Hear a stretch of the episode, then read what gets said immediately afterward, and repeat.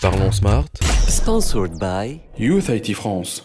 Bonjour et bienvenue dans ce nouveau numéro de Parlons Smart, votre rendez-vous hebdomadaire du groupe Youth IT. Après avoir abordé les différents avantages de la téléphonie IP et comment la sécuriser, qu'en est-il de la haute disponibilité? Il faut savoir que cette dernière joue un rôle très important dans la continuité de votre service de téléphonie, au cas de coupure de courant ou d'Internet par exemple. En effet, les entreprises multisites préfèrent une solution multisite avec haute disponibilité, alors que les petites et moyennes entreprises optent souvent pour une solution de standard hébergé pour moins de frais d'investissement. Et c'est là où la solution IPBX hébergé entre en jeu. La bataille entre la solution en local ou hébergé continue.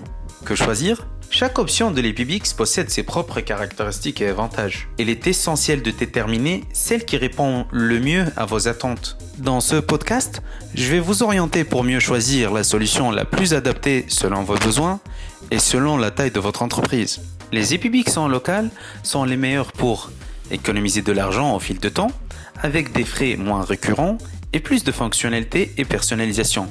Aussi pour les PME et entreprises disposant des ressources techniques pour mieux gérer le système et tirer pleinement profit des fonctionnalités et des intégrations haut de gamme. Aussi, les entreprises où la disponibilité est de la plus haute importance déploient une solution redondante et à haute disponibilité. Aussi, les EPBX en local sont bien lorsque vous souhaitez contrôler totalement votre sécurité.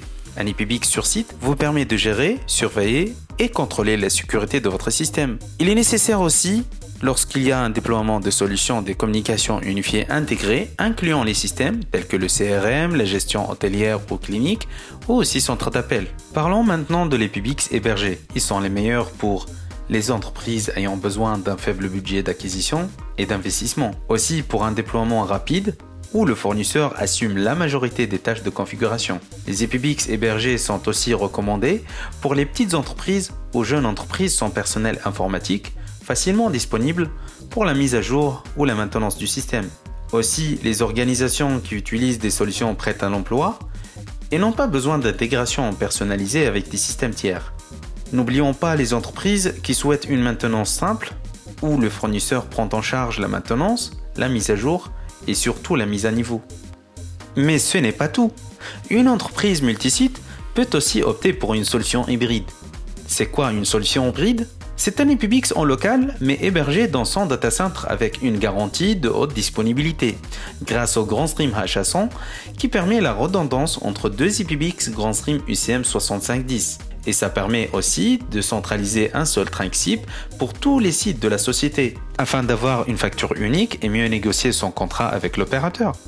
Pour plus d'informations, je vous invite à consulter notre site grandstream.tn pour mieux connaître les solutions sans licence du constructeur américain Grandstream ainsi que le groupe USIT. Rendez-vous la semaine prochaine pour vous donner d'autres conseils pratiques pour accompagner votre transformation digitale et vous donner des nouvelles astuces.